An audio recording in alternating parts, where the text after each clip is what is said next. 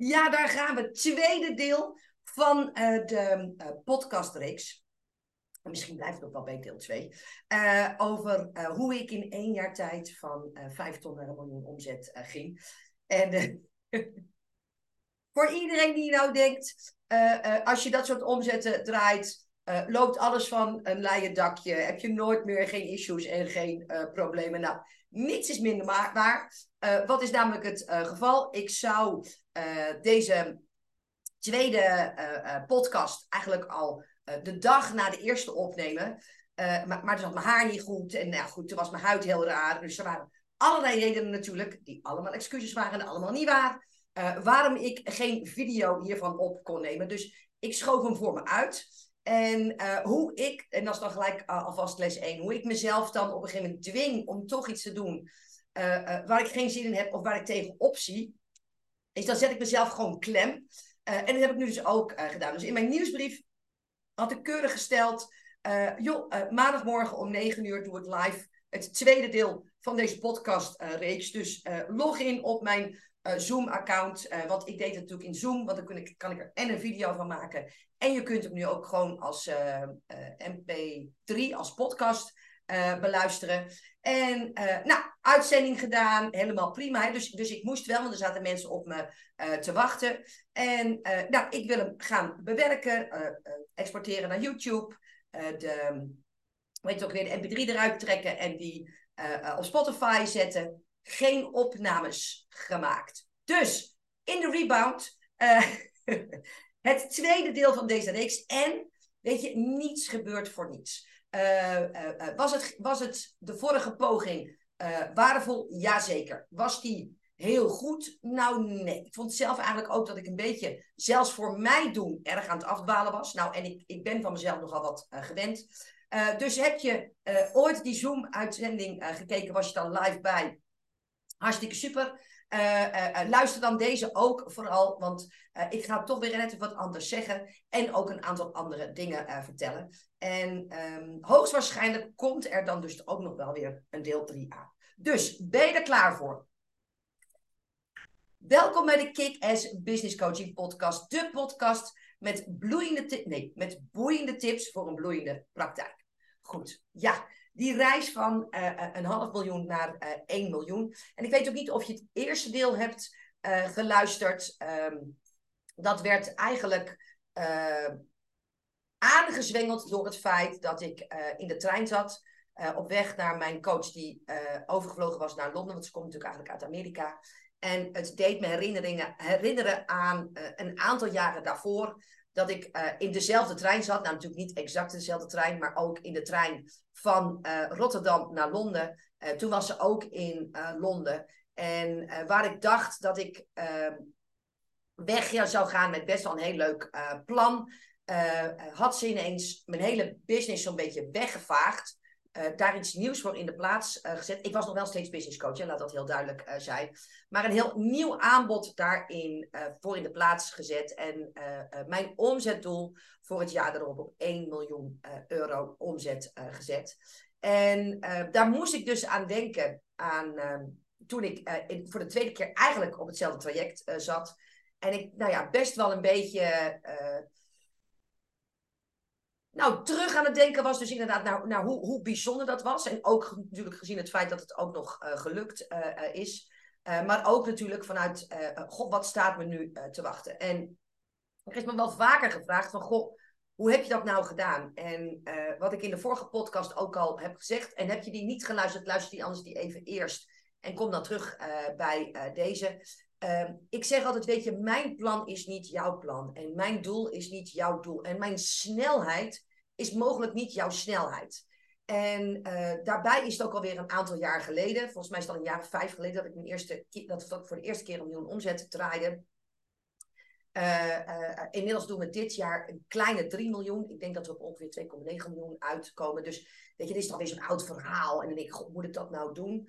En toch waren er een aantal redenen waarom ik besloten heb, terwijl ik het eigenlijk liever niet over mijn omzet heb, um, om het toch wel uh, te doen. En de eerste is omdat ik zelf ook geïnspireerd mocht worden door vrouwen die het pad voor mij waren gegaan. en daarbij geldt deze podcast ook voor mannen, laat dat heel duidelijk zijn. Maar, maar in mijn geval heb ik me heel erg vastgehouden aan vrouwen. Die het pad ook voor waren gegaan. En ehm, die mij lieten zien dat je ook als moeder en inmiddels ook als oma ook gewoon een, een, een, hele dikke vette business uit de grond kan stampen. En dat maakte dat dat voor mij eigenlijk een soort mijn ankers waren. Mijn, mijn, ja, mijn richtpunten. En, en ik heb niet vaak gedacht, als jij het kan, kan ik het ook. Hè? Want, want ik zag bij al die vrouwen altijd wel iets bijzonders. Dat ik dacht, poeh.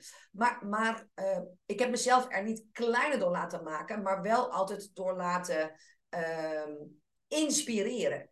Uh, dat ik dacht, ja, potverdorie, het is dus wel mogelijk. En, en dan vervolgens de vraag altijd gesteld, en hoe kan het dan uh, voor mij? En, en dat is ook al gelijk een hele uh, belangrijke. Ik heb natuurlijk mijn jaarprogramma, Verdienen wat je waard bent, waar ondernemers in zitten die minstens anderhalve ton draaien en die minstens ook willen verdubbelen. En daar zitten dus mensen in die draaien anderhalf, anderhalve ton, een half miljoen, een, een miljoen en, en, en zelfs een paar die meer dan dat al doen. Eh, en als ik dat nieuwe mensen toelaat die een beetje aan die onderkant van die uh, omzet uh, zitten, dan stel ik ze altijd heel duidelijk de vraag: ga je erdoor laten intimideren of door laten inspireren? En, en ik heb er zelf altijd voor gekozen om voor dat laatste te gaan. En, en ik hoop dus ook dat met deze podcast, in plaats van dat je steeds zit te luisteren, ja, maar jij, denk, potverdorie, prins, het is dus mogelijk Ehm, eh, eh, en, en waarom niet voor mij? Weet je, op mijn uh, bureau heeft heel lang een bordje gestaan: why? why not? why not me? En why not me now? En, en zolang ik eigenlijk geen antwoord op de vraag kon geven: why not me now? Ja, ik weet ook niet waarom ik het niet zou zijn en waarom niet nou. heb ik het altijd maar gewoon gedaan. Dus dat is eigenlijk de reden dat ik, dat ik hoop en daarin zie ik ook een beetje een verschuiving ook in, in mijn eigen rol. Zonder mezelf tot rolmodel te willen bombarderen, laat dat heel duidelijk zijn. Um, maar het is heel cool wat ik heb neergezet. En wat heel bijzonder is, als je deze podcast luistert, kan je het niet zien. Maar als je de video kijkt, wel. ik ben hier op dit moment in mijn huis, in, in ons huis in Frankrijk. En juist over dit onderwerp praten vanuit deze locatie. Is op zijn zacht gezegd een, een klein beetje bijzonder. Dus nogmaals, ik, ik wil mezelf nergens tot rolmodel bombarderen, maar nu ik dus mijn eigen dromen, nou ik wil niet zeggen zo goed als allemaal, maar wel in hele grote mate en mijn allergrootste droom, en dat was namelijk deze plek, die magisch is. Uh, en ik laat altijd heel weinig zien van mijn privéleven er waar we wonen. Maar als, je het, als ik het zou laten zien, dan weet ik zeker dat je zo denkt: wow, is dat ook mogelijk? Ja, dat is ook mogelijk. En we hebben ook nog cash afgetikt, dat is ook nog een dingetje. Um, maar uh, ik voel wel de. Ik zou zeggen, het, ik zou bijna het woord plicht gebruiken, maar, maar, maar dat, dat is eigenlijk de totale uh, verkeerde ehm, klank heeft dat. Uh, want ik, ik zie het niet als plicht, maar als een voorrecht. Dat, dat ik nu in een fase ben waar, waar mensen, waar vrouwen mij zijn voorgegaan en mij hebben geïnspireerd dat ik voel dat mogelijk misschien, al is het maar voor één. En ik schrijf mijn blogs altijd voor één. En ik schrijf mijn posts altijd voor, maar voor één. En mijn, sport, mijn stories die schrijf ik als ik maar één iemand daarmee kan inspireren. En dat doe ik dus ook nu met deze podcast. Als één iemand die nu luistert denkt, potverdorie prins. Maar eigenlijk wil ik dat ook. Um, dan hoop ik dat je van dat eigenlijk ook daadwerkelijk uh, je droom uh, maakt. Want uh, it's pretty awesome. Om hier te zijn en uh, nu ook voor het eerst ook echt dit leven te leiden. Want uh, wat ik laatst in mijn uh, blog schreef is, we zijn hier al meerdere keren geweest. En de eerste paar keren dat we hier waren, stond er niks behalve een eettafel zonder stoelen. En boven hadden we een, in onze slaapkamer een, hoe heet zo'n ding, zo'n zo plastic opblaasbed. En daar sliepen we op en voor de rest was er niks. Ja, tuintafel buiten, want we leefden toch buiten. Toen zijn we een aantal keer geweest en hebben we hier vooral veel geklust en verbouwd, maar eigenlijk niet echt vakantie gevierd en ook niet van genoten. In die zin hè, dat, we, dat we niet heel veel tijd en aandacht aan hebben besteed, omdat we vooral bezig waren met zo snel mogelijk bewoonbaar te maken. Ehm, dus we hebben hier echt lijstjes afgewerkt. En er is een tijd geweest dat ik hier als een soort van hoorder door mijn eigen huis liep, omdat alle meubels al opgeslagen waren. en, en, en tussen die meubels door vonden wij dus onze, onze weg, totdat ze allemaal op hun plek stonden. Ehm, nou, vervolgens zijn we inderdaad nog een keer terug geweest. Hebben we de laatste puntjes op de i gezet en hebben het ook daadwerkelijk helemaal ingericht.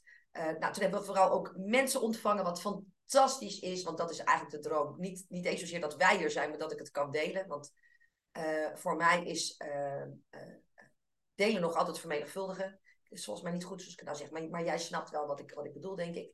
Um, nou, toen zijn we nog een keer geweest met ons hele gezin, inclusief mijn ouders en ons kleinkind, kinderen, schoonkinderen. Nou, dat was ook fantastisch. Maar nu zijn we er voor de eerste keer als onze nieuwe, ja, ik zou bijna zeggen lifestyle. Dus we willen iedere maand uh, uh, twee tot drie weken in Nederland zijn en iedere maand dus één tot twee weken hier in Frankrijk verblijven. En ja, daar is, daar is deze week de eerste week van. Dus dat ik juist nu hier deze podcast op mag nemen over een onderwerp wat het mogelijk heeft gemaakt, dat, dat, dat raakt me en dat ontroert me. En, en ik hoop dus ook, en het is al de moeite waard, als één iemand er, erdoor geïnspireerd wordt om te denken, potverdorie, dan kan ik het ook. Dus dat is, dat is de eerste reden. Dat ik dat heel duidelijk voel, dat, dat daar nu ook een beetje mijn, mijn, mijn rol ligt. En de tweede reden is dat ik ook voel dat daar nog heel veel werk op zit.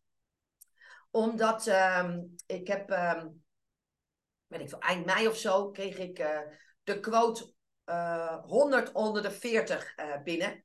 En, en nou, je kan van de quote vinden wat je wil. En dat is allemaal oké. Maar met name die lijstjes vind ik altijd ongelooflijk inspirerend.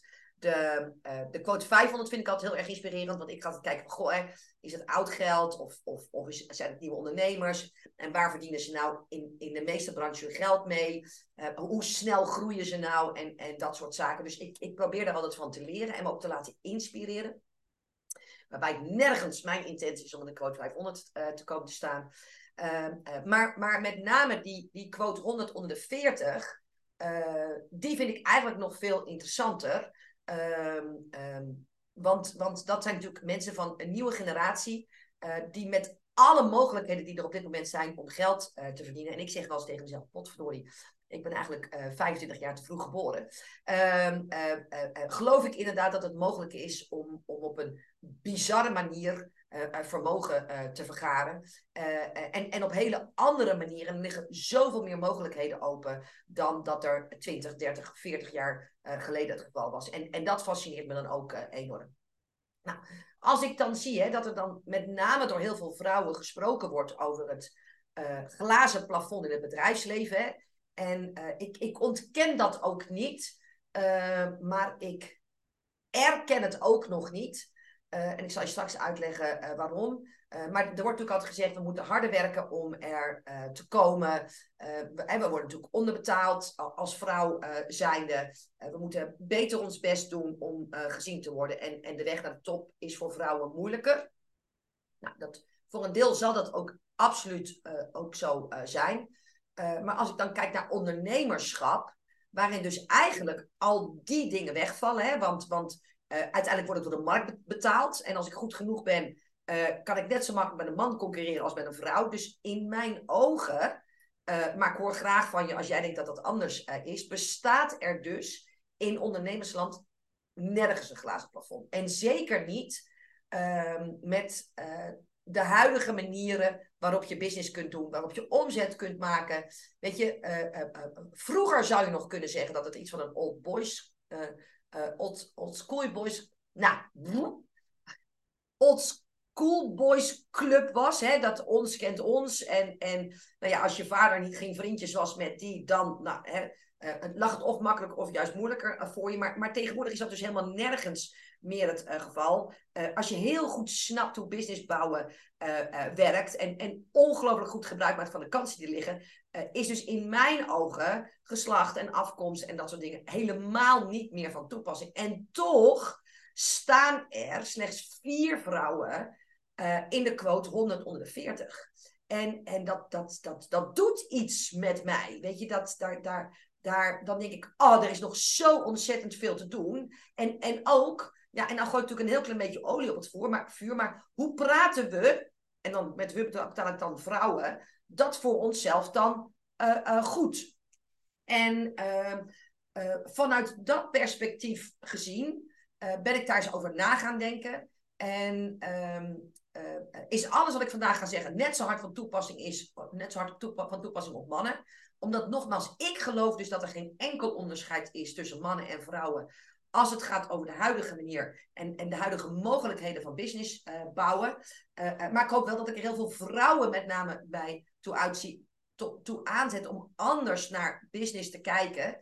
Omdat ze, um, om, om ervoor te zorgen dat daarmee de volgende keer nou ja, 50-50 is mogelijk een utopie nog, hè, om dat volgend jaar voor elkaar te krijgen. Maar dat we in ieder geval 25 75 hebben en het jaar daarna dan 50-50 eh, mannen en vrouwen als het gaat over die quote uh, eh, 100 onder de uh, eh, 40. Goed.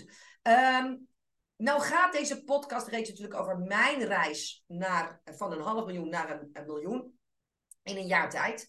En daarmee laat ik dus zien dat dat mogelijk is. Daarmee laat ik zien dat, dat ehm, en daar heb ik het natuurlijk in de vorige, vorige aflevering ook al over gehad, dat er niet zoiets bestaat als Ehm, is dat wel realistisch? Hè? Want alles wat ik doe, alles wat ik neerzet, uh, alles wat ik bouw, is eigenlijk niet realistisch. Ik heb het in een korte tijd gedaan. Ik heb ieder jaar mijn omzet uh, verdubbeld. Ik heb eigenlijk een heel klein team. En ik doe het ook jaar na jaar na jaar na jaar opnieuw.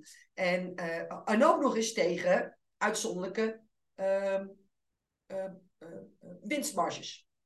Dus iedere keer als ik bij mijn boekhouder binnenkom, die echt nog een, een, een, een ouderwetse boekhouder is. En, en daarom hou ik ook zo ontzettend van hem.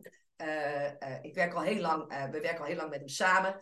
ik denk al twintig jaar. Ook in vorige bedrijven was hij al onze, boekhouder. Dan kom ik binnen en dan schudt hij met zijn hoofd en zegt hij: Prins, het kan eigenlijk niet wat je doet. Ik zeg: Ja, dat weet ik, maar, maar ik doe het toch wel. Weet je? En als dat nou mijn verhaal is, waarom kan het dan niet jouw verhaal ook zijn?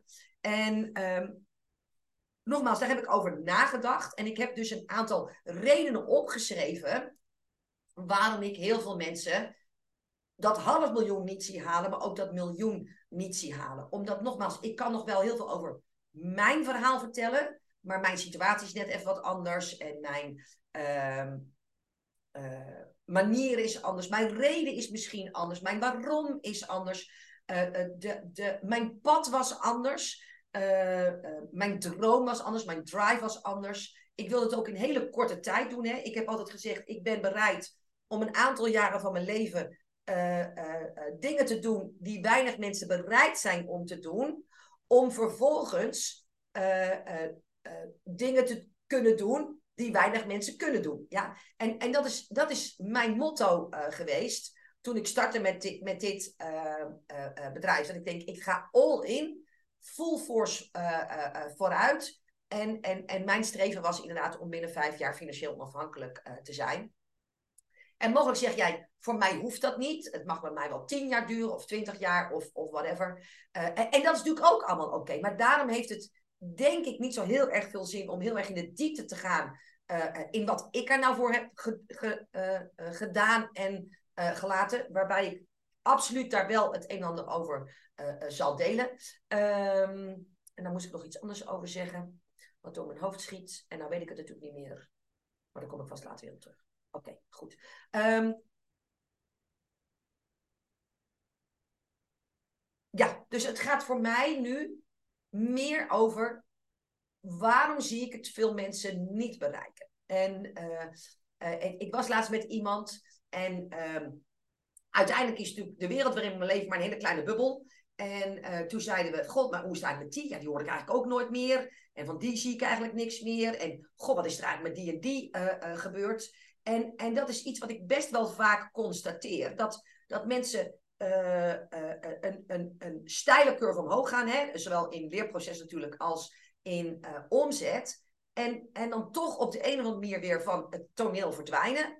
Voordat eigenlijk de echte grote doorbraak komt. Of um, die, ze blijven wel, maar die echte doorbraak komt niet. En, en uh, voor mij is het zo dat uh, ik, ik daarin een aantal dingen zie gebeuren die ik dus met je wil delen. Nou, ik heb het zelfs opgeschreven.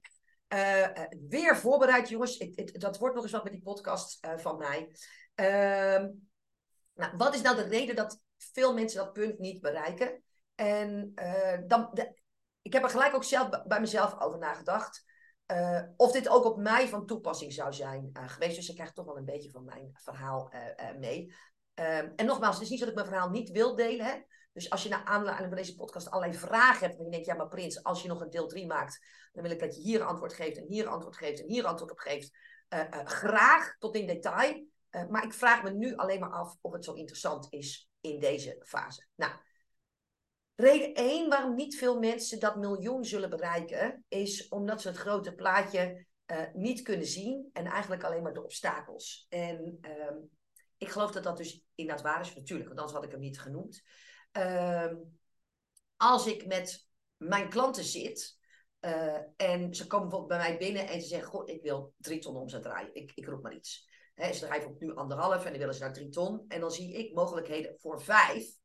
En dan zeggen ze, ja, vijf, vijf. Uh, en iets wat voorbij jouw eigen denkvermogen ligt, roept gelijk allerlei obstakels op. Weet je, dan, je, ziet het weerstandsschild eigenlijk met een bloedgang omhoog uh, uh, schieten. Terwijl ik dan in mijn hoofd vaak een aantal rekensommetjes maak. Hè, dan komen ze binnen en zeggen, god, ik wil wel drie ton doen. En ik denk, oh, maar als je nou dit doet en dat doet, zus, dan kan het makkelijk vijf zijn.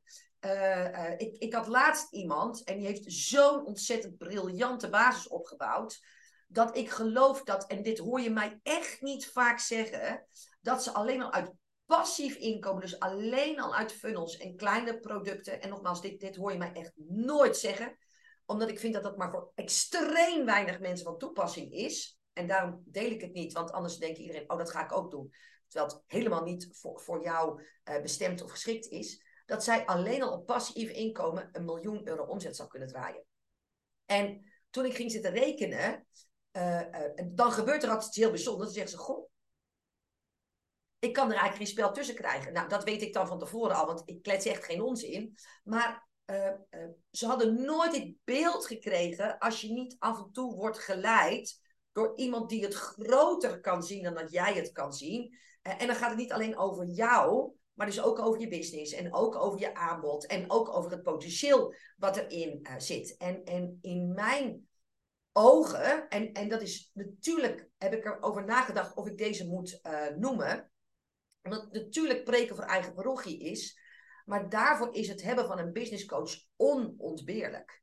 Weet je, uh, mijn, mijn, mijn Amerikaanse coach, die, die mij de eerste acht jaar heeft gecoacht, aan één stuk door. Als je het hebt over consistency, ga ik straks ook nog iets over vertellen. Moet ik daar even opschrijven, anders vergeet ik het natuurlijk. Um... Ja, anders vergeet ik daar straks iets over te vertellen. Um, die heeft mij vanaf de eerste dag groter kunnen zien dan dat ik mezelf zag. En als ik dus over dit punt nadenk, uh, zij hebben dat ook altijd voorgehouden. Van ja, maar Niek, uh, jij bent hier voor grotere dingen. En dat zei ze niet om te slijmen, want zoals ik zo niet uh, bedraad ben en ik vooral geen dingen tegen mensen zeg omdat ze me dan maar heel aardig vinden. Uh, sterker nog, it's not my job for you to like me. Het is mijn baan om jou succesvol te maken. En, en als ik daarvoor niet aardig moet zijn, dan doe ik dat met alle liefde en, en plezier. Dus, dus, dus zij deed dat ook niet, maar in plaats van dat het alleen zei, schilderden ze ook altijd een beetje van, god, want als we nou dit doen en als we nou dat doen en als we nou zus doen en als we nou zo doen. En dat klonk dan altijd zo logisch, dat zelfs ik met al mijn weerstand niet kon zeggen waarom dat niet kon lukken. En um, uh, uh, hierover nadenken, denk ik echt dat ik mogelijk op termijn wel tot vijf ton omzet was gekomen. Uh, dat miljoen, dat weet ik niet. of ik dat ooit gehaald had, omdat als je het pad niet kunt zien, denk je alleen maar aan de obstakels en, en denk je dus in onmogelijkheden. Dus uh, als ik niet een coach had gehad, die bij mij, en dat nogmaals heb ik in de vorige aflevering natuurlijk uh, gezegd, mijn, mijn aanbod wegveegde, vaagde eigenlijk, uh, daar met iets nieuws voor in de plaats kwam. En ik dacht, oh ja, wacht, maar zo kan het wel. Dan had ik dus bedacht met, vanuit waar ik nu ben. Ja, maar shit jongen, als ik, als ik dit keer twee moet doen. dan, dan, dan werk ik me dood en, en, en, en, en, en dan werkt dat. Dat gaat niet. Ik zou niet weten waar ik die mensen überhaupt in mijn agenda kwijt zou moeten. Dus ik had nooit bedacht dat ik een miljoen euro als omzetdoelstelling neer had kunnen zetten. Als ik niet iemand had gehad die zegt: Dit is wat er mogelijk is en dit is hoe we het gaan doen. En, en nogmaals, als er dan iemand is die jou het plaatje kan schetsen waarvan je wel denkt: Woeps! Weet je, dat gaat dan van me vragen. Maar ik zie ook dat als ik over mijn eigen gedrukt heen stap, dat het wel mogelijk zou kunnen zijn. Dan ontstaat er ineens een hele andere werkelijkheid. En ik heb dus van mezelf bedacht, en ik ben eventjes het, uh, het, totale aan, uh, dat, uh, bedrag vergeten. Maar goed, stel nou dat ik nooit hoger was gekomen tot een half miljoen. weet je, hoeveel omzet was ik dan misgelopen in de afgelopen drie, vier jaar? maar, maar als we het nou niet eens over, alleen over de omzet hebben, maar de impact, het aantal mensen wat ik heb kunnen helpen en dergelijke, ja, da daar draait mijn maag zich bijna van om. Dus de reden waarom veel mensen het niet bereiken, is omdat ze denken dat ze het zelf moeten doen. En, en je kunt zelf niet voorbij je eigen etiket lezen. Weet je, er is altijd zo'n uitspraak dat als je in de pot zit, kun je het etiket niet lezen. En, en dat is precies waar het over gaat. Dus je hebt iemand nodig die. Nou, dat heeft Suzanne natuurlijk altijd bij me gedaan. En inmiddels doet ze het weer, want ze is, ik ben weer terug bij haar. Uh, Ilko kan dat bij mij natuurlijk als geen ander. Hè, want ik had voor mezelf gezegd van, goh, ik wil eigenlijk dit jaar minder gaan werken. Uh, want ik wil van dit huis hier gaan genieten. En ik wil van onze kleinzoon gaan genieten. En, en ook van, ja, weet je, het mocht wel meer omzet zijn. maar omdat ik niet zag hoe ik dat kon combineren met minder werken. En minder werken voor mij belangrijk was. Had ik automatisch neergelegd. Ik wil minder werken, dus ook minder omzet. En, en wat we nu hebben bedacht. En daar heeft hij dus mij weer in meegenomen. En daarom is dit punt zo belangrijk. Dat ik minder ben gaan werken en meer omzet ben gaan draaien dit jaar. Want we gaan inderdaad van 2,224 was het volgens mij vorig jaar naar, naar 2,9 miljoen. Dus weet je, alleen ik heb daarvoor weer een aantal monsters in de ogen moeten kijken die ik anders uh, stelselmatig ontweken had. En dat is dus de reden waarom, waarom ik het zo cool vind dat ik niet alleen minder uh, uh, ben gaan werken dit jaar, maar ook nog eens wel degelijk meer omzet ben gaan bouwen. Omdat dus die persoonlijke groei er daardoor ook nog steeds in zit. En die omzet is slechts het gevolg daarvan. En, en dat blijf ik zo cool en fascinerend vinden aan het zelfstandig ondernemerschap. Dat, dat, dat natuurlijk, en dat zeg ik ook bij alle starters, in eerste instantie is omzet. Is je omzet gewoon het doel? Weet je? Want, want met die omzet kan je een aantal dingen uh, doen. En uh, uh, voor mij is op een gegeven moment dan dus de, het omzet, de omzet het gevolg van alle andere dingen die ik uh, heb gedaan, heb doorstaan, heb geleerd, heb veranderd, heb aanvaard, heb losgelaten. Nou, allemaal van dat soort zaken. Dus dat is punt één. ze halen het niet omdat ze niet iemand hebben die ze groter kan zien dan dat ze zichzelf kunnen zien.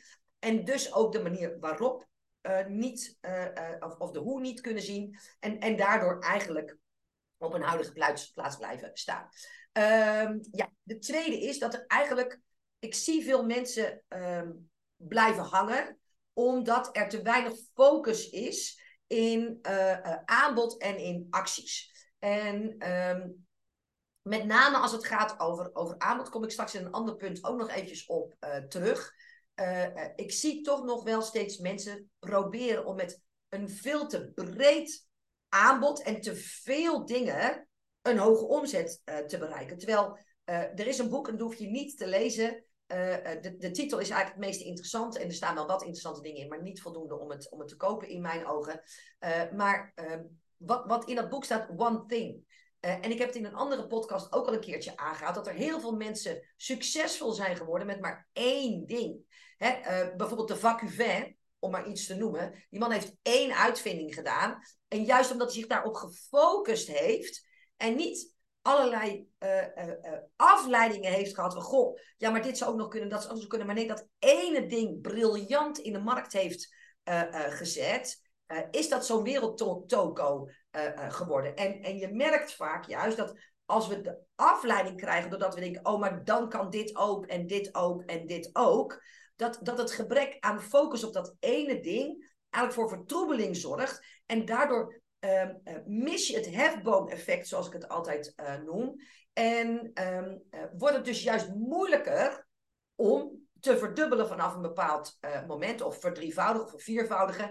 En, en missen we dus net dat stuk waardoor je veel eenvoudiger ook naar een half miljoen of een miljoen omzet uh, kan gaan. En uh, uh, dat, dat zit hem ook vaak in een stukje verveling. Als je ook bij mij kijkt in focus in acties, is ik doe bijna nog nagenoeg hetzelfde om mijn huidige omzet te draaien als dat ik deed om mijn um, half miljoen omzet te draaien. Alleen het is verbeterd, geoptimaliseerd. ik heb het hier en daar wat aangepast aan wie ik nu ben en de tijd die het nu is. Maar uh, ik werk met wat werkt. En, en ik zie zoveel mensen, met name dus inderdaad als het gaat over uh, acties, steeds in, het nieuws, in iets nieuws springen. En daardoor um, wordt het nooit geoptimaliseerd. En, en is het eigenlijk maar iedere keer God zegene we greep en we gaan wel kijken wat dit nu weer oplevert. Natuurlijk getuigt dat van ondernemerschap aan de ene kant, omdat je wel bereid bent om af en toe iets nieuws te proberen. En, en neem van mij aan, dat doe ik ook. Hè. Dus ik voeg ook wel steeds iets toe, maar, maar ik schuif niet automatisch acties die me altijd veel klanten hebben opgeleverd weg. Sterker nog, uh, als ik een klant heb die uh, wat vast zit in haar omzet en maar wie het op dit moment niet snel genoeg gaat, dan is dat een van de eerste dingen die ik vraag. Wat is hetgene geweest wat je in het verleden en zeker ook vaak in eerste instantie de meeste klanten heeft opgeleverd. En als je dat weer gaat herintroduceren, uh, uh, dan, dan geeft het heel vaak je omzet al een boost. Maar vaak zijn we dat al vergeten. Dus met name die focus op bepaalde acties, um, het, het, het verlies daaraan maakt dat we vertroebelen en, en dus onszelf remmen in groei. Als je hier overigens meer van wil weten, het ligt ook een beetje aan wanneer je deze podcast luistert. Maar uh, van uh, eh, 30 oktober tot 1 november geef ik hier een, een driedaagse masterclass over. Niet drie hele dagen, maar drie avonden. drie keer anderhalf uur over focus op succes. En hoe je door focus in aan te brengen in je business vele malen makkelijker en sneller ook zult groeien. wil je daar meer van weten? veroniqueprins.nl slash focus. En het is gratis. Dat is uh, belangrijk ook om te weten. Oké. Uh, dus dus die, die focus op aanbod en acties, dat zie ik vertroebelen. We worden er ook een beetje slordig in. En, en daardoor uh, verdwijnt ook de groei, of in ieder geval de doorgroei. Um, um, wat, wat, wat ik daarbij ook zie, is dat mensen eigenlijk een beetje snip en snap acties doen. En dan kom ik dus ook bij het volgende punt. En dat is dat ik bij veel ondernemers een strategie mis. En um, het ding is, wat er altijd wordt gezegd, is dat tot 100.000 euro is het eigenlijk het moeilijkste. Hè? Want dan moet je eigenlijk alles nog uitdokteren. Uh, uh, hoe werkt business nou eigenlijk? Hoe word ik nou zichtbaar? Weet je, je eerste 100 volgers zijn eigenlijk het moeilijkste. Als het, als het eenmaal loopt en je, en je snapt een beetje hoe het werkt, nou, dan, dan krijg je ze er wel bij. Um, uh, maar en, en hoe dat dan met, met, met verkopen, een upsell, een downsell en dergelijke. Nou, als je dat nou een beetje door hebt uh, en, en je verbetert dat, nou, dan krijg je dus inderdaad dat hefboom-effect waar ik het eerder over had. En kun je dus, nadat je een ton, anderhalve ton omzet hebt gedraaid, eigenlijk met min of meer, je hoort mij nooit zeggen dat het vanzelf gaat of dat je er niks voor hoeft te doen, maar met min of meer dezelfde moeite vele malen meer omzet maken, juist op dat hefboom-effect. En juist ook, hè, dat wat ik eerder noemde, noemde ik, viel, ik vind het wiel niet steeds opnieuw uit. Ik werk met wat werkt en dat verbeter ik uh, steeds nog meer. waardoor dus ook inderdaad met dezelfde actie er een grotere conversie uh, is. Nou, maar ik zie veel mensen vanuit die ton, anderhalve ton omzet nog dingen wat hapsnap doen. Hè? Dus, oh ja, shit, het, het is natuurlijk na de zomer. Nou, wat kan ik eens doen uh, wat, goed na de zomer werkt? Oh shit, er komt ook nog zoiets als Black Friday aan. Oh jee, we hebben een nieuw jaar. Uh, uh, wat kunnen we nou weer eens verzinnen waardoor ik mensen een aanleiding geef of juist de tijd van het jaar aanleiding kan laten zijn om mijn omzet en impuls te geven. En ik zeg altijd, er is een verschil tussen een actiegedreven business en een strategie gedreven business. Voor mij is een actie iets wat voortkomt uit een strategie. Dus um, ik denk over dingen tot op strategisch niveau na. Dus ik doe dingen niet omdat ze leuk zijn. Uh, overigens wel, hè, dus alles wat ik doe, doe ik wel op een manier dat ik er ook nog het meeste plezier aan uh, uh, beleef. maar als ik er helemaal niks mee zou verdienen, zou ik, zou ik het niet doen. Dus daar ben ik, weet je, dat mag tegenwoordig allemaal niet meer gezegd worden, maar ik ben gelukkig niet hypocriet. Um, alles wat ik doe, doe ik omdat het slim is. En er zit dus ook een strategie in. En voor mij is dat altijd dat ik van achter naar voren al denk. Hè? Dus uh, als ik dit nou wil bereiken, wat zijn dan de tussenstappen? En wat heb ik dan te doen om dat ook te realiseren? Uh, uh, maar bijvoorbeeld het feit hè, dat, dat als ik bijvoorbeeld een event organiseer, ik eigenlijk op de dag van het event het volgende alweer lanceer. dat is niet een hapsnap iets dat ik denk, oh wat vind ik het leuk en dergelijke. Nee, ik weet dat in de afterglow van een, van een event er veel mensen FOMO hebben. Uh, ik een tijdje hot and happening ben, ben. Een dag of twee, drie, hè? vooral niet langer dan dat. Maar dat mensen nog praten over shit, dat was het event cool uh, uh, en dergelijke. En, en van daaruit kan ik dus heel makkelijk, zonder al te veel moeite, het volgende alweer introduceren. Dus ik doe niet hapsnap wat acties op de kalender zetten. en ik wou zeggen, in de hoop dat, maar die hoop die heb ik niet, omdat ik de regie heb over mijn omzet. Dat heeft weer te maken met een van de volgende punten die ik met je uh, ga delen. Maar het is niet een verzameling van acties, maar mijn acties zijn het gevolg van een strategie en een lijn die ik voor mijn bedrijf voor het jaar heb uitgezet. en um, als je dus inderdaad de stap wil maken van 1, 2, 3, 4 ton omzet naar dat miljoen, uh, dan heb je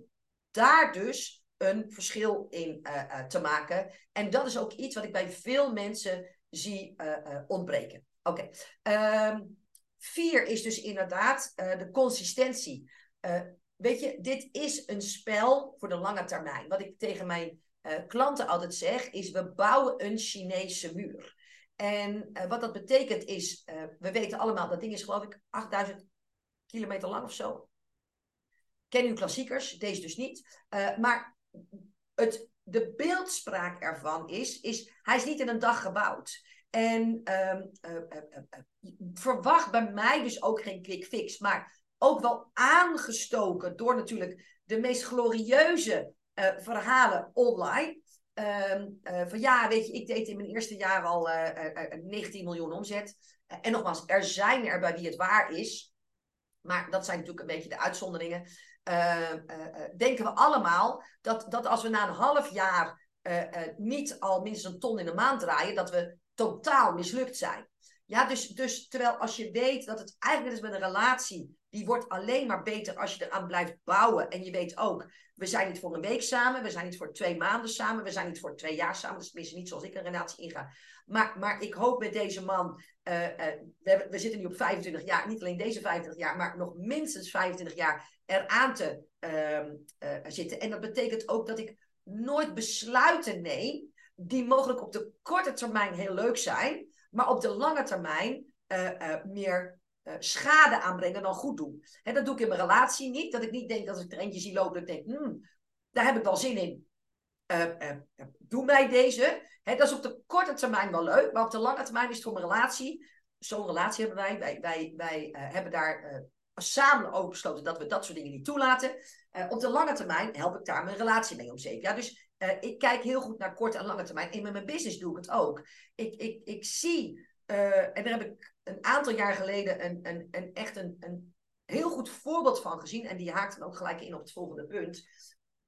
Iemand die met zichzelf een uitdaging aan was gegaan om in korte termijn echt een, een bizarre omzet neer te zetten. En ik vond het in eerste instantie ook heel erg inspirerend.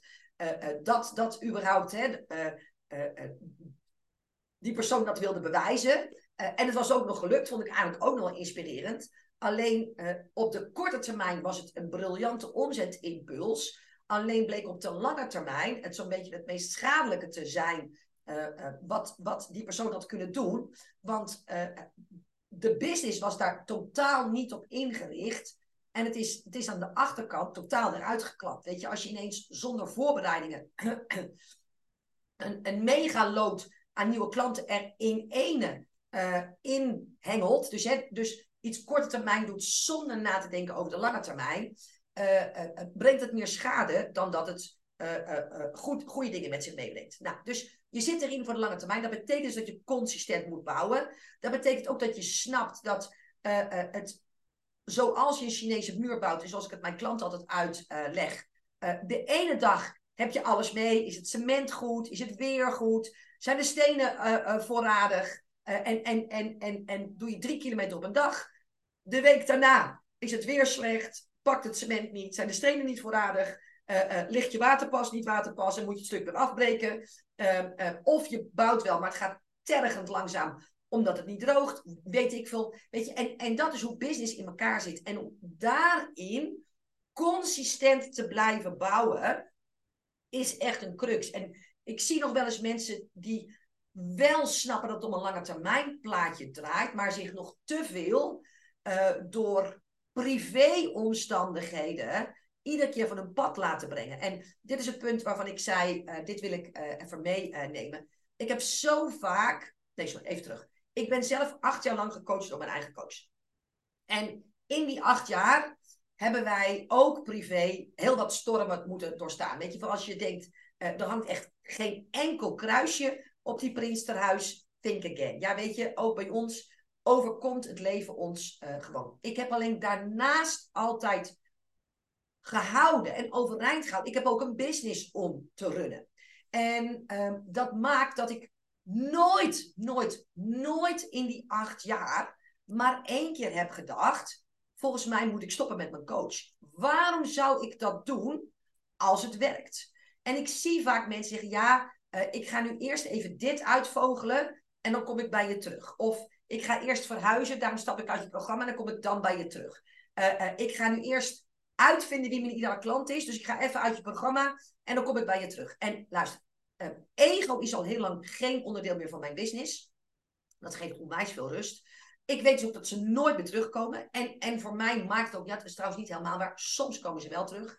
Uh, en dat vind ik dan eigenlijk ook wel heel erg cool. Want uh, het is gaaf als je klanten krijgt, maar het is nog veel gaver als mensen klaarblijkelijk de eerste keer zo enthousiast over je waren dat ze ook weer terugkomen. Maar, maar ik snap oprecht, oprecht niet waarom mensen tussendoor stoppen als het een ongoing proces is, als het een trein is waarvan je zelf zegt, ik wil dat hij doortendert. Weet je, ik heb nu een klant en die zit in een echtscheiding en dan zegt ze, ja, ze zegt, ik moet eerst thuis de boel op orde krijgen, daarom stap ik eruit um, en, dan kom ik daarna bij je terug. En ik denk, als je iets nodig hebt in deze periode, want ze is natuurlijk ook van haar, voor haar inkomen afhankelijk van haar business.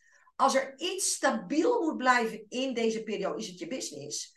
Als er iets lastig is om stabiel te houden, is je business in deze totale instabiliteit in je privéleven. Dus als er iets is wat je nodig hebt, is een business coach die in ieder geval nog jouw vuurtoren en je baken is. En je in de wirwar van emoties en, en gedoe en, en, en, en, en weet ik het wat allemaal, overeind kan houden, zodat je in ieder geval je business kan blijven draaien en er niet ook een financieel gat is. Ik had laatst iemand die zei, ja, er ligt een hele gave kans uh, op mijn pad, zakelijk, dus, dus dan ga ik eruit en dan ga ik dat en dan kom ik dan terug. En ik denk, ja, maar ik ben er toch juist omdat, um, hoe heet dat ook alweer? Zakelijk, die zakelijke kans met je uit te werken. Denk je dat het makkelijker is met mij of zonder mij om uit te werken? En als je komt, als je de zakelijke kans hebt uitgewerkt, wat, is dat, wat zou dan mijn rol zijn? Dus waarom zou je dan überhaupt terugkomen? Weet je, dus, dus um, uh, voor mij is dat een van de redenen waarom ik zie uh, dat veel mensen het niet redden, omdat ze bijna anticyclisch uh, met een business coach aan de slag gaan. dus dus um, um, als het goed gaat, stappen ze eruit en als het slecht gaat, komen ze terug. Terwijl voor mij is het juist, ik ben erin gestapt toen het slecht ging en, en ik ben gebleven omdat het goed ging. Waarom zou ik stoppen met iets wat briljant werkt en, en wat me steeds opnieuw een verdubbeling van mijn omzet heeft gebracht? Terwijl ik nu zo vaak hoor, ja, dan ga ik het eerst even zelf proberen. En ik denk altijd, waarom? Waar komt die zelfkastijding vandaan? En weet je, ik wil het helemaal niet zelf proberen. Waarom zou ik dat willen? Waarom zou ik jou niet betalen, zodat alle leerfouten die ik uit mijn eigen proces zou, uh, zou halen, en, en er blijven er nog genoeg over, geloof mij. hè, want dan zeg je, ja, maar anders heb je geen fout om van te leren. Nou, die heb ik echt nog wel genoeg. Maar, maar met name die omzetsprongen, die voor mij heel belangrijk zijn. En het feit dat iemand me onderweg, terwijl ik ook nog mijn eigen leermomenten doorga, uh, iemand is die me steeds die wortel voorhoudt van joh, prins, maar dit is wie je werkelijk bent en dit is waar je heen kan gaan en dit is waar je doel en je acties op af moet stemmen. Weet je, dat is mij echt ontzettend veel waard. Dus, dus een van de redenen, en nogmaals, ik, ik, ik realiseer me zo dat het preken voor eigen parochie is, maar zolang Max Verstappen na zijn tweede wereldkampioenschap niet dacht, uh, uh, ik kan het nu wel zonder mijn coach, na, nadat Ajax dat is misschien een beetje een lastig voorbeeld. Feyenoord na het landskampioenschap ook niet dacht. Uh, weet je, we zijn nou landskampioen. Uh, waar hebben wij eigenlijk nog een coach voor nodig? Nu weten we het wel. Weet je, het is alleen maar belangrijker. Want juist nu die finesses. En, en iets worden is vaak een ding. Maar iets blijven. Dat is vaak veel lastiger. Denk maar aan slank worden. Maar, maar zelden geldt ook voor succes. Weet je, die groei zat er wel in. En dan lijkt het op een gegeven moment dat je het in je vingers hebt. Maar je bent het net zo hard weer kwijt. En nogmaals, succesvol worden is een ding, maar succesvol blijven is in mijn ogen minstens net zo zwaar. Dus waarom zou ik het zonder willen? En daardoor ben ik zo consistent gebleven. En daardoor kan ik zonder mezelf in een burn-out te werken. En daar heb ik straks nog een ander punt uh, over. Maar juist door die consistentie doorgroeien. En dat mis ik bij zoveel um, succesvolle en uh, hoe noem ik dat ook altijd weer? Um, mensen met ontzettend veel potentie, dat, dat ze in ene denken, nou, ja, nu maar even niet. En, en, en je realiseert je niet wat een dip het in je business brengt en hoeveel moeite en energie het weer kost om het weer naar het oude niveau te brengen. Als dat wel is wat je uh, wilt. Oké? Dus um, ja, wat ik ook vaak zie, en dat is ook altijd een beetje lastig, hè, want aan het begin zei ik van goh, de, de eerste ton, anderhalve ton is eigenlijk het, mak het moeilijkste. Want dan moet je natuurlijk toch, nogmaals wat ik net ook al zei, hoe werkt nou business en je moet uh, uh, leren verkopen en, en van één op één naar groepen en kan ik dat ook. En je moet opleren gaan met kritiek van buitenaf. En nou, weet je, um, allemaal heel bijzonder, zeg maar. alle dingen die je daar onderweg tegen komt. Dus in die in die zin is dat inderdaad ook waar. Als je daar doorheen bent, is de rest eigenlijk makkelijker. Ehm, alleen, ik zie ook veel mensen uh, een anderhalve ton omzet draaien zonder eigenlijk die basis op de juiste manier hebben neergezet. En het is eigenlijk een beetje een combinatie van eerdere punten bij elkaar. Dus um, uh, ja, er is vraag uit de markt naar dit, dus dat verkoop ik. En uh, ja, er wordt me ook wel eens gevraagd, wil ik dat en dat niet doen? En uh, nou ja, er is ook een, een leverancier die mij regelmatig vraagt om, om deze en deze training te uh, verzorgen. En daarmee schraap je eigenlijk wel iedere keer de omzet bij elkaar. En kom je op anderhalf ton, wat een fantastische omzet is. Hè? Want nogmaals, er zijn er heel veel die op dat niveau niet komen. Maar er zit eigenlijk geen uh, fundament dus in je business. Want, want om van anderhalve ton naar een half miljoen naar een miljoen te gaan, is er één ding onontbeerlijk. En dat is dat je schaalbaar moet zijn. En dat kan eigenlijk alleen maar als je focus hebt op één ideale klant met één pijn en één verlangen. En um, natuurlijk komt er altijd het Tony Robbins uh, voorbeeld. Ja, Tony Robbins heeft ook geen um, één ideale klant. Uh, en die heeft ook uh, uh, UPW en, en, en weet ik het wat allemaal. Maar, maar wij zijn ook geen Tony Robbins. Ja? als je op, in de Tony Robbins League speelt, kan je het doen zoals Tony Robbins. En zolang je daar niet bent, heb je je te houden aan de marketingregels die er op dit niveau, op ons niveau, nog steeds spelen. En dat maakt dat als je nog steeds van alles doet voor iedereen, en toevallig heb ik één klant die weigert om daar uh, een keuze in te maken, dat is geen enkel probleem, maar ze merkt nu ook dat die doorgroeien, hè, want ze wil heel graag van anderhalve ton naar, naar drie ton omzet, die komt er niet, omdat ze steeds haar aandacht moet verdelen tussen eigenlijk drie, vier verschillende producten, die ook nog weer een andere doelgroep hebben. Dus um, uh, promotietechnisch komt ze steeds in, in de war. Uh, uh, het is eigenlijk ook um, voor een deel ook afhankelijk van een opdrachtgever die haar af en toe wat vraagt. Dus heeft er ook nog niet zo heel veel invloed op, op die omzet. En, en, en vanaf dat punt is het dus niet schaalbaar. Dus het maakt, nog wat, wat ik net zei, natuurlijk dat het eerste stuk het moeilijkste is. Maar er zijn ook mensen die bij mij komen. En dan maak ik me ook niet populair. Die zeggen, ja Niek, ik wil heel graag uh, uh, van anderhalf naar drie ton. En, en die stuur ik dan. En nogmaals, wordt me niet altijd in dank afgenomen. Dus de ene zegt, ik heb altijd al gevoeld dat er iets niet klopt, maar ik wist niet wat. En jij benoemt het nu. Maar er zijn er ook van wie ik nooit meer wat hoor daarna. Maar die stop ik gewoon simpelweg in mijn basistraining. Omdat ze eerst het fundament neer moeten zetten. Met een duidelijke ideale klant. Een duidelijk aanbod daarop. Een duidelijk plan en strategie daarop. En die kan je vervolgens voor drie, vier, vijf, zes, zeven, achtvoudige wat mij betreft. Uh, uh, maar niet als je er nog bent voor alles en iedereen. En dus ik heb ook wel eens mensen die zeggen, ja, ik ben ondernemer en ik draai ook anderhalve ton. En kan je mij tot een, tot een miljoen brengen? Maar dan blijkt dus bijvoorbeeld een interimmer te zijn. En wat ik van interimwerk altijd zeg, is, uh, dat is geen ondernemerschap. En daar maak ik me ook weer niet populair mee. Uh, maar dat is eigenlijk een vorm van loondienstverband met een andere salarisconstructie. Dus omdat het tijd voor geld ruilen blijft, kan ik je niet opschalen. En kan ik dus ook niet anders dan door je te klonen uh, van anderhalf ton naar een half miljoen te brengen. Uh, als je in je eentje uh, blijft werken. Dus um, bij veel mensen lukt het niet, omdat de basis, het fundament, toch nog niet staat. Maar dat vertellen is niet de meest populaire boodschap. Hè? Want de hele omgeving zegt, oh je bent zo goed bezig. Vergeleken met, je, uh, met de mensen met wie je vaak omringt. Nou ja, die kijken allemaal naar je op van, oh, oh je bent degene die meer dan draait dan een ton. Dat is ook een van de redenen waarom ik altijd vind dat je in masterminds moet stappen waar je de kabouter bent. Want dan uh, uh, word je niet door allerlei mensen als een goeroe gezien. Van oh, oh, oh, wat jij allemaal doet, want daar word je lui van. En een beetje laks. Uh, en, en, en ook te weinig zelfkritisch. Terwijl ik juist vaak in een mastermind stap waarin ik denk, oh mijn god, wat kom ik hier doen? Ik ben nu ook weer in een nieuwe gestapt. Ik ga in eind november, begin december naar Phoenix.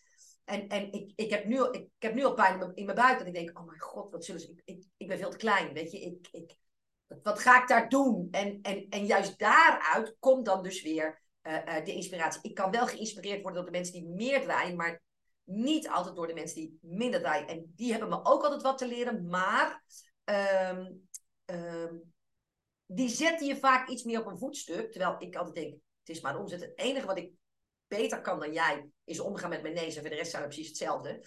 Uh, maar Um, de kritische nood blijft dan vaak uit. En, en, en daarom, ze zeggen altijd, je wordt het gemiddelde van de vijf mensen met, met wie je omringt. Dan zorg ik ervoor dat business-wise er altijd een groep is uh, waarin ik uh, uh, niet aan de bovenkant van de piramide sta, maar ergens onderaan bubbel. Weet je, een goede les in nederigheid en dat omzet ook maar omzet is. Dus hele belangrijke deze. de zesde is inderdaad dat de back-office niet goed ingericht is. En dan heb ik het over processen, systemen en over mensen. Uh, nou heb ik het geluk, nou eigenlijk niet het geluk, maar geen geluk. Daar zijn ze uiteindelijk op uitgezocht. dat ik twee mensen in mijn team heb die daar heel goed in zijn.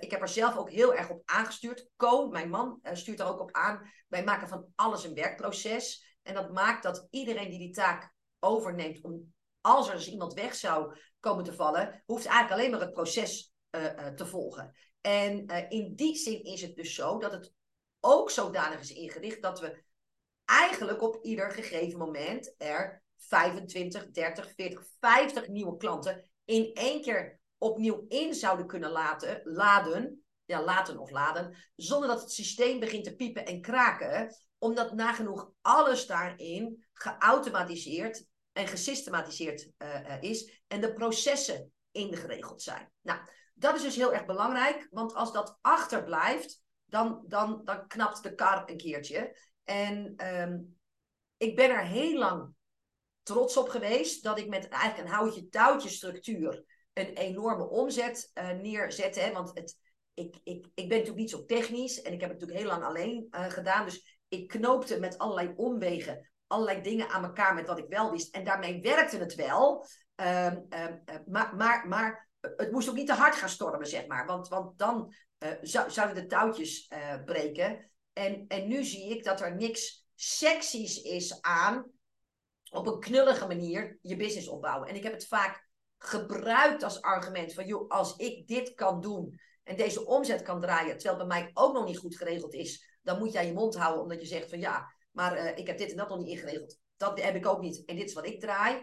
Uh, inmiddels weet ik uh, dat ik veel sneller, veel makkelijker had kunnen groeien als ik, als ik dit niet zo'n lange tijd wel interessant had gevonden. Want het heeft eigenlijk mijn groei enorm geremd. Nou, hetzelfde geldt voor mensen.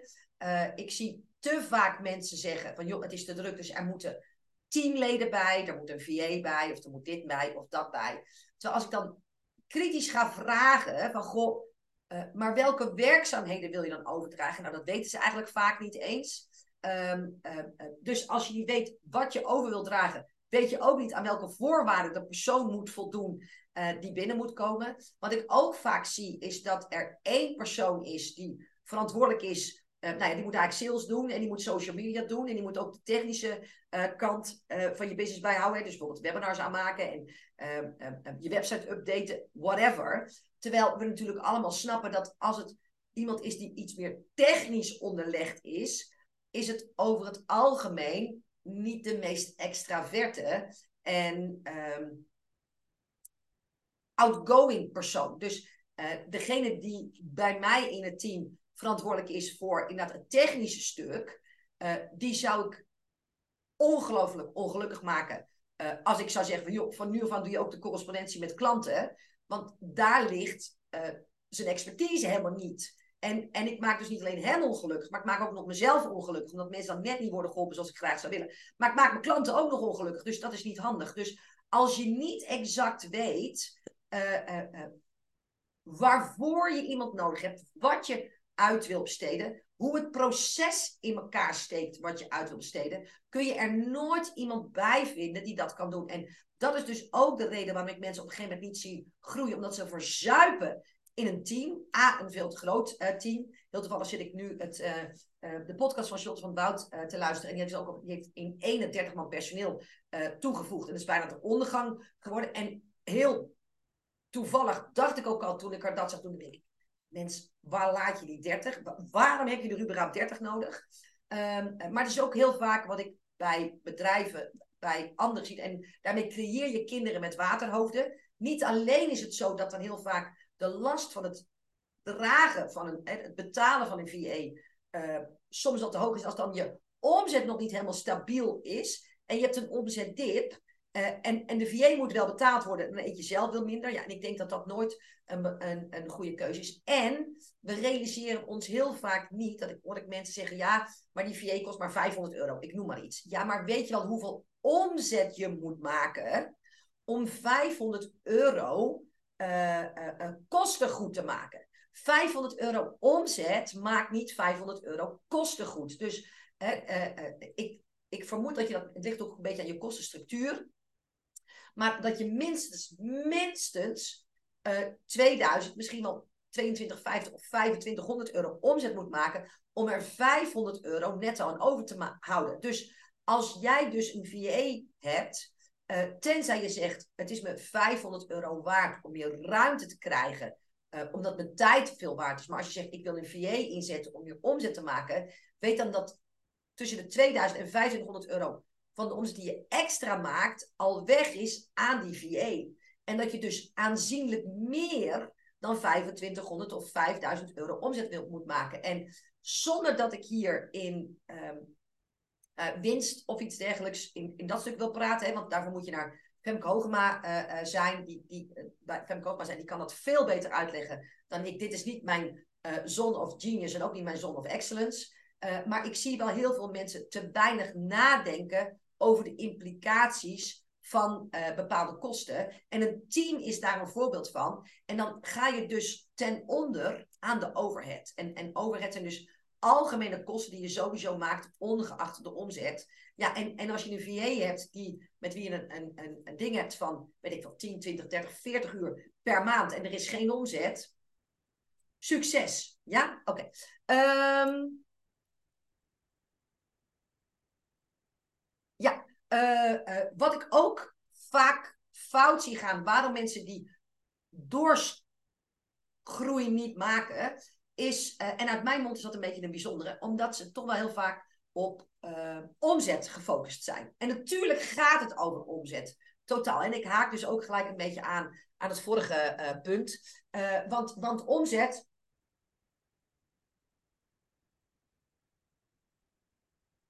Als er geen omzet is, is er geen business. Ja, dus voor iedereen die dat nog een beetje lastig vindt. Geen omzet, geen business. Geen sales, ook geen business.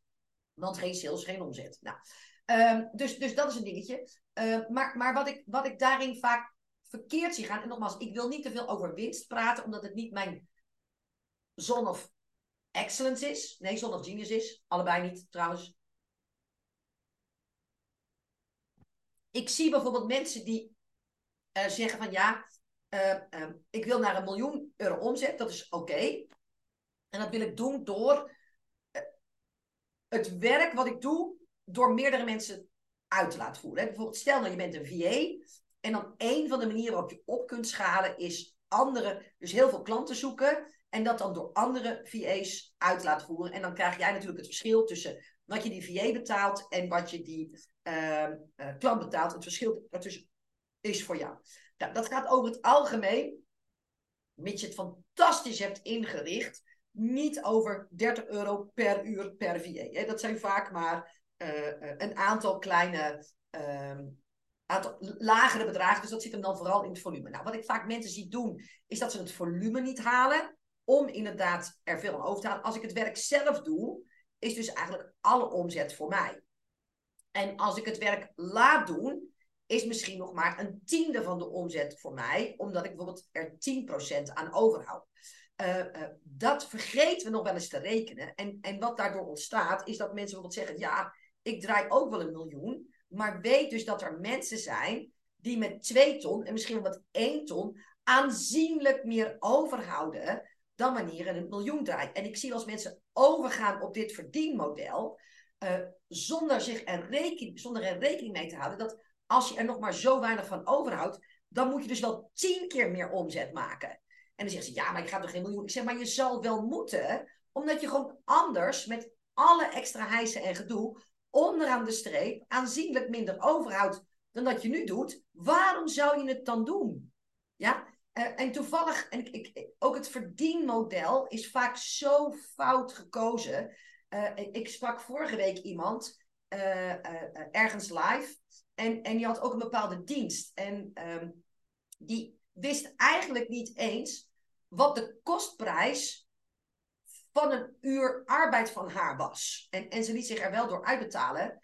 Um, en, en toen ik het even snel, hè, want ze had een ruimte en ze moest vaak nog onderdelen leveren, nou, haar eigen arbeid. En ze zegt, ja, maar ik vraag wel genoeg voor mijn arbeid. Ik zie, ja, maar als je niet weet wat de kostprijs is van jouw arbeid, hè, dus uh, wat betaal je aan huur, hoeveel marge zit er op jouw onderdelen en dergelijke, uh, kunnen we nooit kijken of je een gezond model hebt. En ze had dus al ruimte gehuurd, mensen aangenomen. Terwijl dit essentiële stuk, en volgens mij heb ik dat in de vorige podcast ook uh, genoemd, dit essentiële stuk mist in haar berekening. Ik had iemand en die had ook een ontzettend leuk verdienmodel.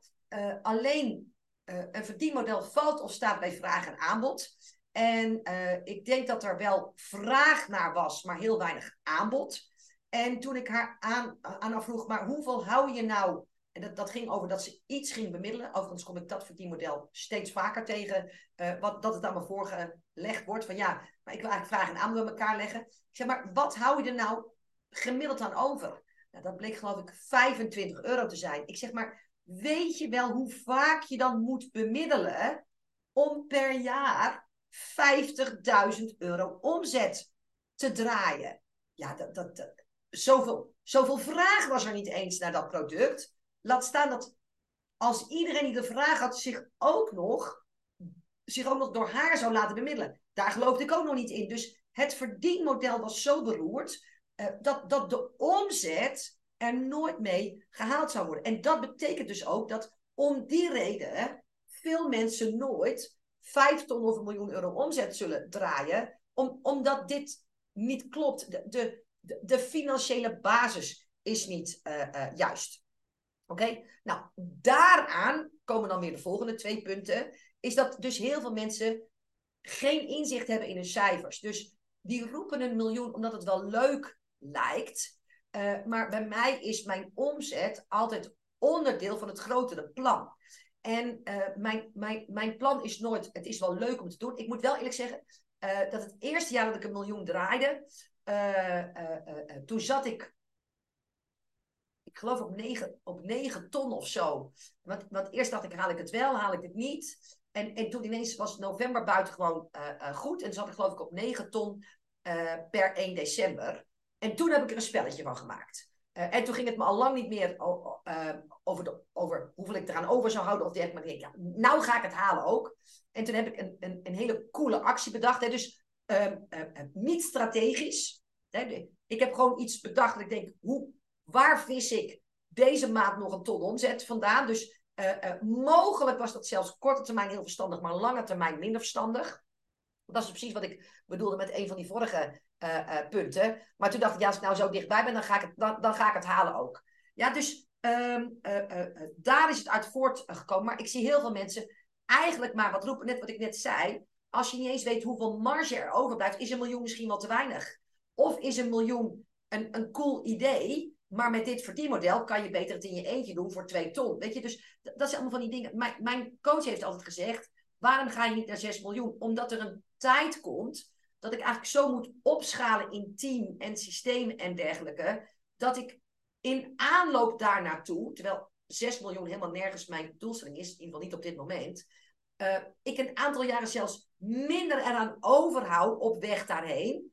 Omdat ik meer kosten moet maken in eerste instantie om die omzet neer te zetten en ook daadwerkelijk waar te kunnen maken. Nou, ik zie niet in waarom ik dat zou doen. Dan blijf ik liever nu ietsje kleiner, en nog altijd best wel uh, uh, oké, uh, dan dat ik 6 miljoen ga draaien waar ik geen behoefte aan heb. Alleen, ik zie dus heel veel mensen ditzelfde doen op een lager niveau. En, en dan beperk je jezelf. Kijk, dat je nou zegt 3 of 6 miljoen, maar 1 ton of 5 ton, dat maakt wel degelijk een verschil. Ja, dus, dus dat is nog wel een dingetje. Maar ik zie zoveel mensen echt geen inzicht hebben in hun cijfers. Als ik vraag, wat, wat is eigenlijk het percentage uh, loonkosten of personeelskosten wat je hebt? Hoeveel, hoeveel percentage geef je eigenlijk uit aan, aan Facebook ads? En, en, en wat is je ROI daarop? Nou, zoveel mensen hebben echt geen idee. Hoeveel, hoeveel hou je nou aan het einde van het jaar onderaan de streep over? Maar ook, hoeveel heb je nou eigenlijk nodig? Weet je, wij hebben een aantal jaar geleden een financieel planner in de, in, in de hand, uh, in de arm genomen. En die heeft ons heel duidelijk voorgerekend wat er waar dan ook aan geld moet staan. Om ervoor te zorgen dat als ik wil stoppen met werken, ik de 25 jaar daarna op dezelfde voet voort kan leven als dat ik nu doe.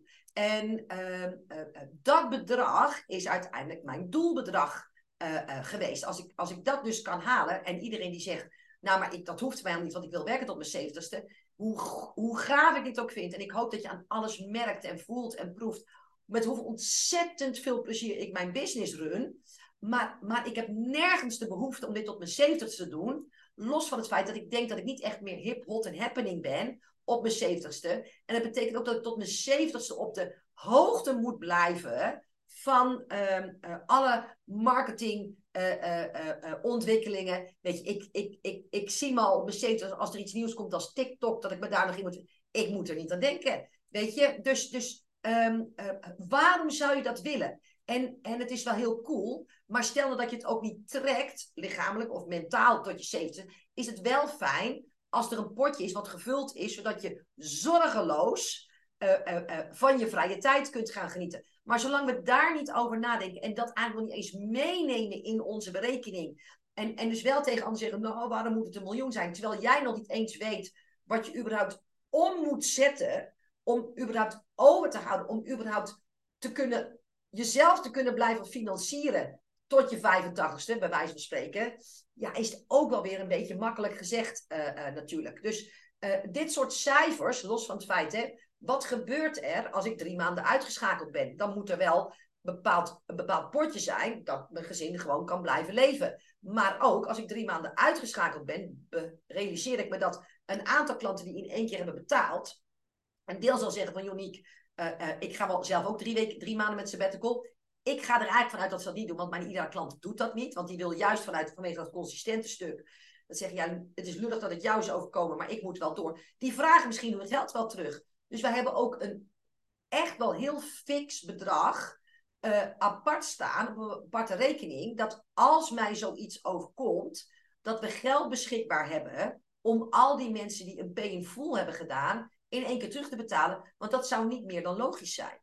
Ja, als je daar niet over na hebt gedacht, dan, dan zijn al die omzetcijfers die je roept, uh, maar een beetje uit de lucht gegrepen. Maar dan moet je vooral mij niet veroordelen op het feit dat ik een miljoen omzet als doelstelling heb uh, gezet. Want gezien het financiële plan dat er binnen x jaar een bepaald bedrag moest zijn om 25 jaar zorgeloos te kunnen blijven leven zonder dat er inkomen tegenover stond. Want ja, ik reken eigenlijk niet op AOW, WO, nou, uh, AOW. Uh, uh, weet je, dat is ook een vorm van niet je financiële verantwoordelijkheid nemen. Dus, dus dat is één. Dus heb je inzicht in je financiën. En dan de tweede, heb je inzicht in je cijfers. Wat ik namelijk mensen zie doen, en die, die haakt dus ook een beetje aan op dat stuk van die omzet. Ik zie veel mensen zeggen van, goh, en ik wil dit bereiken, dus deze omzet. Nou, en dan moet ik zoveel klanten voor maken. En dan zijn dit mijn acties. Nou, dat is hartstikke cool. Maar als je vervolgens niet meeneemt, uh, wat zijn eigenlijk mijn conversiecijfers? En waar zouden die omhoog kunnen? Um, hè, als je bijvoorbeeld een webinar hebt en je zegt, ik, en je weet dat je 300 deelnemers nodig hebt om je omzetdoelstelling te kunnen halen. Maar je gaat eens kijken van, goh, wat kan ik doen om de conversie te verbeteren? Waar laat ik steken vallen? Waardoor ik mijn conversie van 5 naar 7 naar 9 naar 11 procent kan laten gaan. En ik dus inderdaad ineens geen 300 mensen meer nodig heb, maar misschien maar 100. Weet je, daar wordt bijna geen aandacht aan besteed. Uh, uh, andersom zie ik het ook. Stel nou dat al die conversiecijfers hetzelfde zouden uh, blijven. maar je wil wel meer omzet. Dat betekent dus dat je aan de voorkant meer mensen, en dit klinkt heel erg denigrerend, maar je snapt het wel, in moet laden in mijn webinar of mijn challenges of mijn workshops of mijn events of whatever. Uh, maar als jouw bereik niet meegroeit en een keer is de vijver leeg, dan zul je dus nooit die aantallen kunnen halen. En ik zie heel veel mensen bijvoorbeeld wel uh, plannen maken hè, vanuit de berekening van, goh, als ik een miljoen wil draaien, moet ik, weet ik veel, duizend programma's van duizend euro verkopen. Ik noem maar iets. Dat is heel cool, maar met hoeveel moet je bereik groeien om dit jaar duizend klanten te kunnen maken? Wordt niet over nagedacht, wordt ook geen strategie voor ingezet. En, en dat is natuurlijk wel een beetje een kwalijke zaak. En dat is wat ik eerder ook noemde met de regie pakken over je omzet. Als je wel het ene stuk doet, maar je hebt eigenlijk cijfer. Nee, uh, de ene was uh, uh, cijfermatig en de ander is ehm, cijfermatig is dan financieel. En dit is inderdaad in statistieken en in aantallen. En, en daar heb je geen weet van. Ja, dan blijft het natuurlijk een beetje Russische roulette. En toch is het iets wat ik mensen bijna stelselmatig zie weigeren. En dat snap ik, want het is niet sexy. Het is saai. Uh, uh, het, het is uh, detailgeneuzel. En als ADHD'er ben ik het daar volledig mee eens. Maar als dit is wat ik wil bereiken, en, en, en mijn focus is om die miljoen omzet te draaien, nogmaals, en, en daarna twee en daarna drie. Uh, wat, wat daarna mijn focus was, heb ik wel dit soort dingen in die weg ook mee te nemen en ook daarop mijn aandacht, mijn focus, eh, de toetsing, de evaluatie. Haal ik dat of haal ik het niet? En het plan ook te maken. En, en dat zie ik bij heel veel mensen ook nog eens ontbreken. Nou, de laatste hierin, en dan sluit ik me af, want hij wordt toch weer heel erg uh, lang. Uh, de laatste hierin is um, dat ik te veel mensen, en hij sluit eigenlijk weer heel mooi aan op punt 1, uh, um, hun toekomst en hun toekomstdromen um, laten leiden door angst. En, en dan leiden uh, met een korte ei, maar eigenlijk ook met een lange ei hoe vaak ik op ieder niveau, en dat, dat, is ook het bijzondere, want de problemen die ik hier bespreek, kom je eigenlijk op ieder niveau tegen. Bij starters, bij mensen die een ton draaien, die mensen die een half miljoen draaien, bij, mijn klanten die een miljoen draaien en willen verdubbelen. Eigenlijk speelt het overal hetzelfde. Uh, maar we worden te veel geleid door angst. En dat is angst, wat nou als ik het niet haal? Ja, maar, maar waarom zou je het niet halen? Als het plan klopt, je commit je eraan en, en, en je belooft te doen wat nodig is. Waarom zou je het dan niet halen? En, en, en is is het niet beter om het in ieder geval geprobeerd te hebben dan er niet eens aan gestart te zijn? En stel nou dat ik dat jaar dat ik een miljoen omzet als doel had, mijn eerste keer, dat het 8 ton was geworden. En, en initieel had ik eigenlijk het plan van, goh, ik draaide al 500. Ehm, nou, 57 was heel cool geweest. En het, en het was 8 geworden. Dat was toch fantastisch geweest. Hoeveel mensen hebben nou zoveel uh, procent omzetstijging? Bijna niemand. Dus ik was fucking trots geweest. Maar ehm, het, het is geworden wat het geworden is, omdat ik niet bang ben geweest om ehm, de omzet, het omzetdoel te stellen. En het ook vergezeld heb laten gaan van een plan waarvan zelfs ik zei van ja, het moet toch eigenlijk wel mogelijk zijn. Het zal niet vanzelf gaan, het gaat me wat van me vragen. En ik moet hier en daar wat uit mijn comfortzone. En om een aantal, dwars door een paar dingen heen waar ik tot op heden makkelijk met een boog omheen heb kunnen lopen. Maar onmogelijk is het zeker niet. Nou, dus dat is er eentje. Uh, maar inderdaad, de angst dat, ik, dat je mensen kwijtraakt. Uh, dat, dat we het nog steeds zien als een verdubbeling van de omzet is ook harder werken. Terwijl Ilko mij laatst vroeg, uh, en, en zeker dit jaar, hij zegt hoeveel, hoeveel meer werk je nu dan dat je deed toen je een half miljoen deed? Aanzienlijk minder. Ja, dus, dus uh, zolang je vanuit je eigen visie en wat jij weet alleen maar kan handelen vanuit een verdubbeling van mijn omzet, uh, leidt tot een dubbel zo hard werk. Hè? En dat is dus waar ik het eerste punt ook mee gestart ben. Dan wordt het omgeven door angst. maar, maar, maar wat nou als ik mezelf had laten leiden door angst en, en niet vanuit enthousiasme en niet vanuit, ik weet ook niet hoe, maar, maar kan het in ieder geval proberen, dan had ik hier op dit moment nooit gezeten. Weet je, ehm, als, ik, als ik had bedacht, want voor ons was altijd het uitgangspunt geweest, we moeten dit hypotheek vrij kunnen kopen, omdat we het dan kunnen overerven aan onze kinderen en het in het gezin kan blijven en zij daar geen financiële last van hoeven te dragen, maar alleen maar hopen wij heel veel plezier van kunnen hebben. En als het verkopen als we dood zijn, is het ook oké. Uh, eh, maar dan heb, heb, ik in ieder geval mijn droom uh, geleefd, want dit was wat ik voorheen graag wilde. Ehm, en, en als ik had gedacht, jeetje, weet je, maar hoeveel moet ik wel niet omzetten om dit bedrag hypotheekvrij te kunnen schuiven? Ja, jongens, als ik zo had gedacht, dan, dan, dan had het hek gelijk dichtgevallen. Terwijl ik me nu heb laten leiden door de droom, door, door hoe zou het zijn als we hier ochtends wakker worden? En, en, en zo is het ook inderdaad. Hè? Want mijn moeder is dan een rondje met de hond gelopen. En, en, nou, en dan komt iedereen langzaam s ochtends aan de ontbijttafel. En nou ja, nou goed, het, het, is, het, is, het, is, het is mooier dan ik had kunnen uh, uh, wensen. Als we s'avonds aan tafel zitten. Ik zie mijn ouders genieten, maar ik geniet natuurlijk zelf ook enorm. Ik zie de jongens van elkaar genieten. Het is natuurlijk cool voor Louis, onze kleinzoon, dat hij, dat hij in zo'n gezin. Uh, nou goed, klaar. Ehm, weet je, maar als ik. Dat heb ik steeds voor ogen gehad. En, en ik heb steeds iedere woorden niet als een god weer een berg. Oh, maar hoe moet dit dan? Oh, maar het is toch onmogelijk? Weet je, oh, ik, ik word soms al moe van hoe mensen naar hun eigen doelen kijken.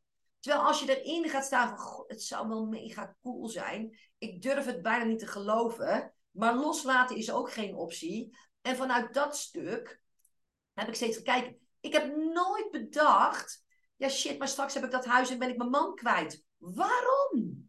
Waarom zou dat automatisch de gevolg uh, moeten zijn? Weet je, dus het is, het is bij mij nooit een onderdeel van de angst geweest of, of van de droom geweest. Ik heb steeds bedacht, oké, uh, wat moet ik doen om het te doen? En, en wat moet ik daaromheen dan in stand houden om ervoor te zorgen dat ik onderweg mijn gezin, mijn kinderen, maar ook mezelf en ook mijn vriendinnen niet verlies? Nou, dat blijkt dus heel goed mogelijk te zijn. Maar niet als ik het in mijn eentje uit had zitten toppen. Dan was ik alles kwijtgeraakt mezelf in kluis en had ik hier nu ook niet gezeten. Maar omdat er iemand was die dat pad al voor me had gelopen en, en niet ontoevallig heeft mijn eigen coach zo'nzelfde huis in mee, wat ook totaal op de familie is ingericht. En ze vliegt ieder jaar twee maanden, voor twee maanden haar, haar hele familie en, en aanhang en dergelijke. En mega veel vrienden altijd naar dat, naar dat huis toe. En ik denk, shit, ik heb je ook niet voor niks uitgekozen. Uh, dus zij doet dat dus precies hetzelfde. En daarin was ze dus ook mijn inspirator. Uh, maar de, de, bij haar is de familieband ook niet kapot gegaan. Dus waarom zou dat zijn? Maar op het moment dat je je laat leiden door je angsten. En, en allerlei aannames doet die niet juist hoeven te zijn. En ik juist op zoek ben gegaan naar rolmodellen. Uh, waarvan ik zeg, oh jeetje, maar jij doet het ook. En, en, en jij bent ook nog gelukkig en, en ook nog getrouwd. En die kinderen praten ook nog tegen je. Sterker nog, hè, bij mij werken ze ook nog in mijn bedrijf. En, en, en ik heb een hele goede band met zowel zoon, schoondochter, schoonzoon. Nou, en, en mijn dochter werkt ook bij ons. Dus, dus uh, uh, als je laat leiden door je angst. Jongens, was zelfs die vijf ton er nooit geweest. Maar, maar neem besluiten van waaruit wie je wilt zijn. En, en, en wie die persoon is. En, en hoe die in het leven staat. En ja, dan is het af en toe wel eens dat je denkt, oeps.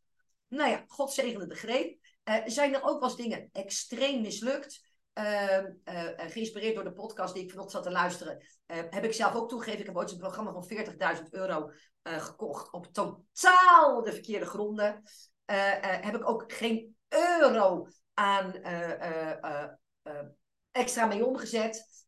maar, maar de les is me denk ik wel 40.000 euro waard geweest. Weet je, dus en, en, en zolang ik op die manier kan blijven denken, en dat heeft niks te maken met, ja, jij kan het makkelijk missen. Nee,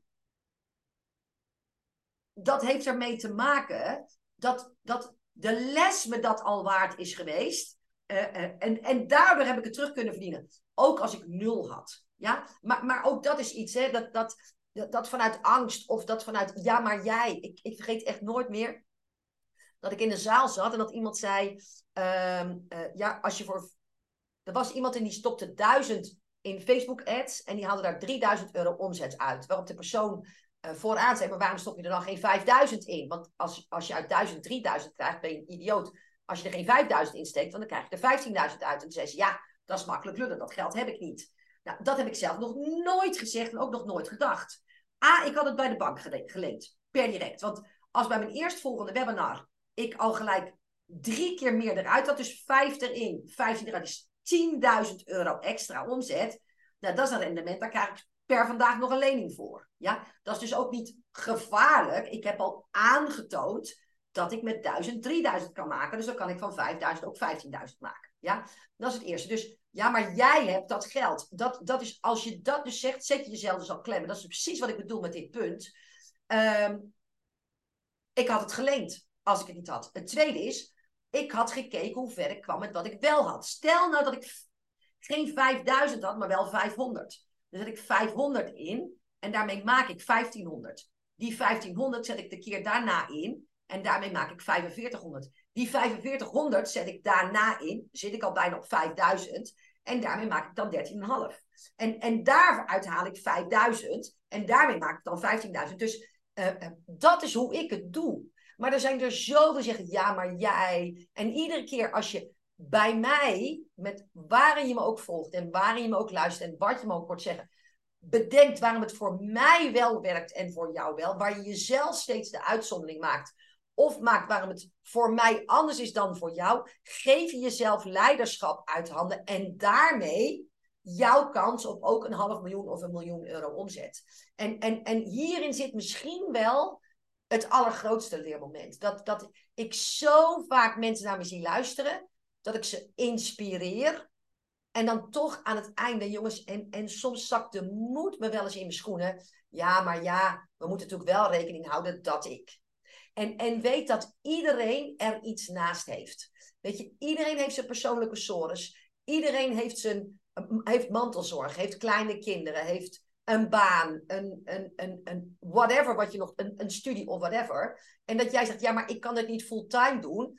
Uh, mijn marketing en dergelijke kan ik ook niet fulltime doen. Want wat jij steekt in tijd om um, te werken, bijvoorbeeld bij een baas nog, dat is bij mij de tijd die ik spendeer aan het bedienen van klanten. Ja, dus, dus ook voor mij zijn er niet 40 uur per week om aan marketing te doen, omdat ik ook veel tijd kwijt ben aan het bedienen van mijn klanten. Dus alles wat jij als een excuus ziet, is het moment waarop jij jezelf leiderschap uit handen geeft en de kans dat wat ik heb neergezet jou ook, ook jouw waarheid en jouw droom zal worden, neemt daarmee af. En het shittige is, dat doe je dus helemaal zelf. En ik hoop dat met deze podcast, die veel te lang geduurd heeft, uh, en ik ga even nadenken of er nog een, een drie komt. Uh, als je reageert op deze met vragen, komt er nog een drie. En anders niet. Dus ik, die, die komt echt als, als input uit allerlei vragen. Um,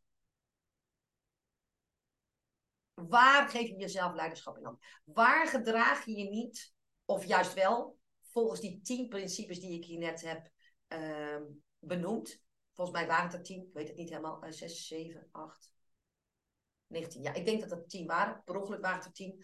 Ehm, waardoor jouw kans kleiner wordt. En het coole is, je hebt een keuze. Nu weet je welke tien het zijn. Die kan je dus vanaf vandaag aanpakken.